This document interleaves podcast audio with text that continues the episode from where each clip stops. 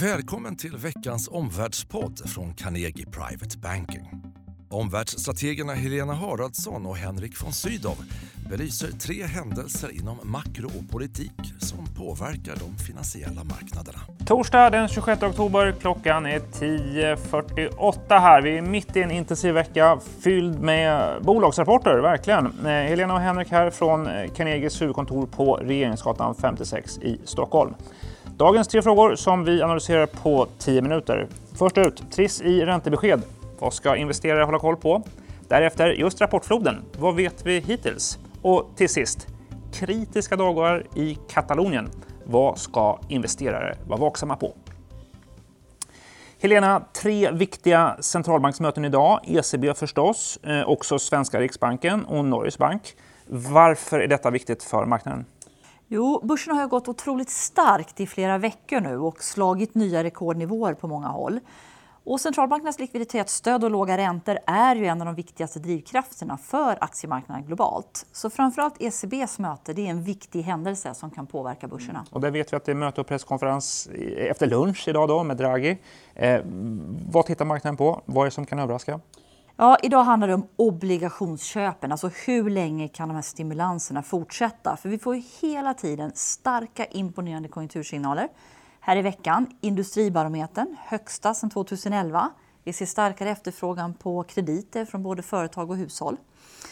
Idag är det så att ECB köper obligationer för 60 miljarder euro per månad och det gör de fram till årsskiftet. Mm. Vad marknaden tror Draghi ska leverera idag det är att han kommer förlänga stimulanspaketet med 6 till 9 månader men halvera storleken på köpen, det vill säga till 30 miljarder per månad. Trappa ner programmet helt enkelt. Jag tror att det är två saker som marknaden ska titta på. Dels är det, vad säger han om nya köp respektive återinvesteringar? Om han skulle börja prata om bruttoköp i någon bemärkelse då, som inkluderar återinvesteringar, då skulle det vara en besvikelse. För då är det mindre ny likviditet till marknaden och det skulle vara negativt för börs och räntemarknad. Den andra viktiga faktorn som vi bedömer, det är om man mot förmodan då skulle ange ett skarpt slutdatum för stimulanserna. Det skulle vara negativt därför att då kan en räntehöjning som kommer först efter avslutat stimulansprogram ligga närmare tiden än vad man tidigare har trott. Just det. Två saker att kolla på. De andra centralbanksmötena idag, Sverige och norska mötet? Ja, eh, Sverige har ju redan haft sitt möte och det var inget nytt. Detsamma för Norge. Eh, signalen om förlängda stimulanser i Sverige det väntar man ska komma på senare möten och det är ju så att Ingves förväntas följa det ECB gör. Men man kan komma ihåg att det här är det första mötet där han vet att han sitter kvar som riksbankschef. Eh, och han har nu presskonferens här som börjar 11 och det är klart, kommenterar han de här svalare tecknen på bostadsmarknaden så är det intressant. Just det. Din slutsats? Ja, ECB i fokus. Men om det inte kommer några stora nyheter då kommer marknadens fokus återgå till amerikanska räntor som stadigt kryper uppåt och de politiska spänningarna i Europa. Dagens andra frågeställning då, Helena. Eh, som sagt, vi är eh, verkligen mitt i eh, rapportsäsongen. Bolagsrapporten har stått som spön i backen här under morgonkvisten. Hur ser det ut så här långt? Ja, I USA så är det ungefär en fjärdedel av bolagen av de 500 stora då, index som har rapporterat. Och jag tycker det ser bra ut. Vinstökningen ger faktiskt stöd till börsen. Både vinster och försäljning är något bättre än väntat. Och I Sverige har vi fått några av de tunga sektorerna. Då, så dels några bankrapporter men också några av de stora verkstadsbolagen. Och totalt i Sverige så är det ungefär 60 av de 140 plus bolag då som, som Carnegies analysavdelning följer som har rapporterat i Sverige. Och det vi ser är det att försäljningen har varit som förväntat.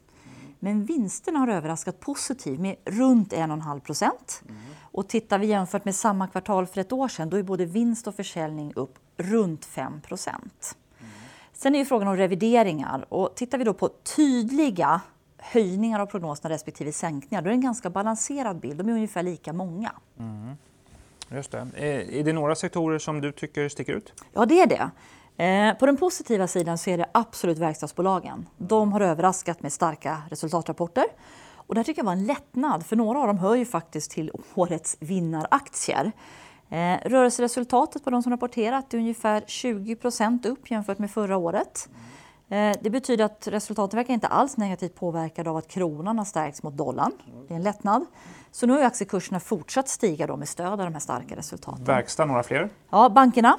Eh, resultaten har varit bättre än förväntat men aktiekurserna har utvecklats lite svagt. Mm. Förmodligen till följd av de här svalare signalerna på bostadsmarknaden. Då. Och I veckan har vi också fått vinstvarningar mm. från bland annat ett fastighetsbolag inom lyxsegmentet på bostäder i Stockholm. Man kan också nämna telekomoperatörer. Där har vi också fått några större positiva överraskningar.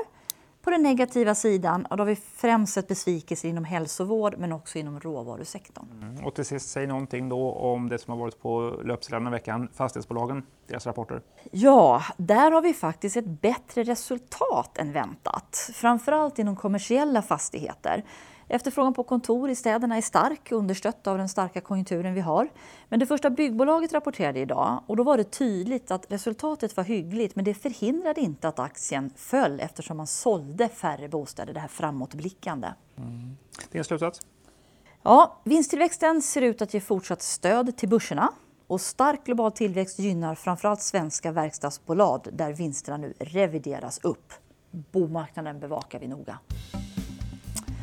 Dagens tredje fråga då, Henrik. I lördags beslutade ju spanska centrala regeringen i Madrid att aktivera det som heter artikel 155 i grundlagen med syfte då att kunna vidta nödvändiga åtgärder för att ta kontroll över myndigheter i Katalonien. Hur ser läget ut nu? Ja, eh, spänningen verkar vara fortsatt hög. Eh, investerare ska vara vaksamma på den här utvecklingen, tycker jag. Eh, torsdag, fredag och lördag, eh, särskilt nu, kan bli kritiska. Eh, först ut så sammanträder då idag eh, regionparlamentet i Katalonien. Imorgon, fredag, ska senaten formellt fatta beslut om särskilda åtgärder för att ta kontroll över Katalonien.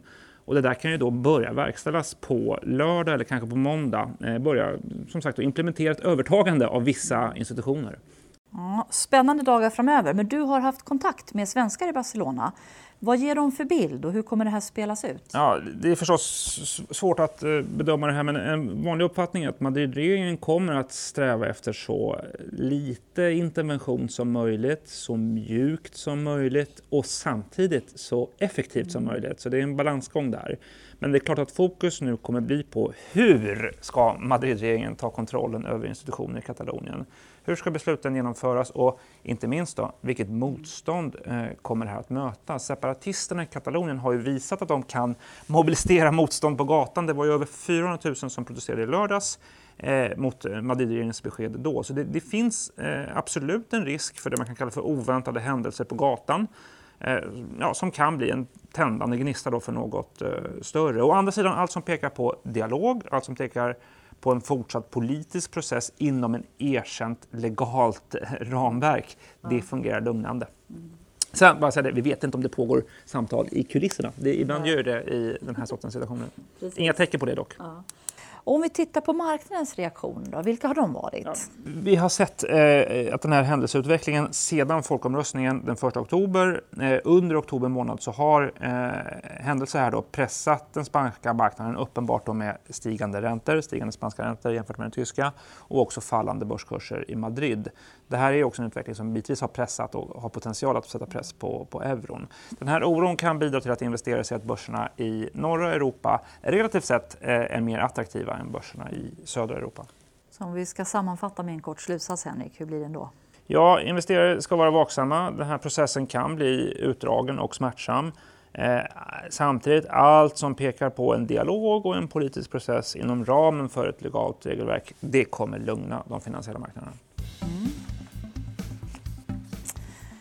Dagens tre slutsatser som vi tar med oss då är nummer ett. ECB har möte idag. En större stimulansminskning skulle oroa och vara negativt. Nummer två. Vinsterna ger fortsatt stöd till börserna. Verkstad är en vinnare i rapportfloden. Nummer tre. Spänt läge i Spanien. Våld skulle skrämma, men allt som pekar mot dialog skulle lugna. Vi har ju tidigare här i podden berättat om hur vi jobbar med vår strategirapport där vi på Private Banking då ger vår marknadssyn men också olika investeringsteman. Och nu kan vi äntligen meddela att för er som är intresserade så finns denna rapport med rubriken Gyllene saga tillgänglig för nedladdning på carnegie.se strategirapport. På återhörande. Tack och hej. Tack för att du har lyssnat på Omvärldspodden från Carnegie Private Banking. Vill du veta mer om vad som händer i vår omvärld och få aktuella idéer till affärer? Gå då in på www.carnegie.se veckans viktigaste och prenumerera på vårt nyhetsbrev.